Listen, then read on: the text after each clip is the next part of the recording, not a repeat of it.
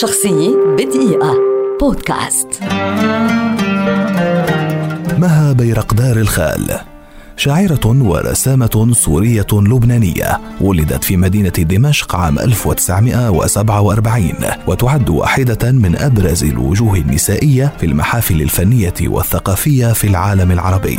في سن الرابعة عشرة وضعت مها باكورة أشعارها وبدأت ريشتها ترسم الملامح والخطوط على دفترها الأبيض الذي ضم مجموعة كبيرة من رسوم بطاقات المعايدة. تخرجت في مركز الفنون التشكيلية في دمشق عام 1967 غادرت إلى ألمانيا لمتابعة دروسها في الرسم لكنها وصلت متأخرة عن بدء العام الدراسي في معهد الفنون فاستبدلت اختصاصها ودرست إدارة الأعمال وحصلت على دبلوم في هذا المجال في مدينة مدينة ميونخ عام 1979 عملت في الصحافة كاتبة ورسامة كما عملت معدة ومقدمة برامج تلفزيونية وإذاعية في دمشق. كما شاركت في العديد من المؤتمرات والمهرجانات الشعرية في العالم العربي وأقامت خلال مسيرتها 15 معرضا فرديا و31 معرضا مشتركا. اقترنت بالشاعر اللبناني يوسف الخال عام 1970 وقامت معه بإدارة جاليري وان حتى عام 1970 1975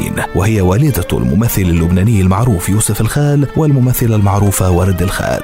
بالإضافة إلى الشعر والرسم كتبت أيضا الأعمال الدرامية والسيناريو ومن أعمالها نذكر عشب الملح الطائر المكسور ونقطة حب. وقد نالت مها بيرقدار الخال عددا من الجوائز والتكريمات منها جائزة أفضل أديبة عربية من مهرجان الأديبات العربيات في سوريا ووسام الاستحقاق الذي منحها إياه رئيس الجمهورية اللبنانية عام 2004 شخصية بدقيقة.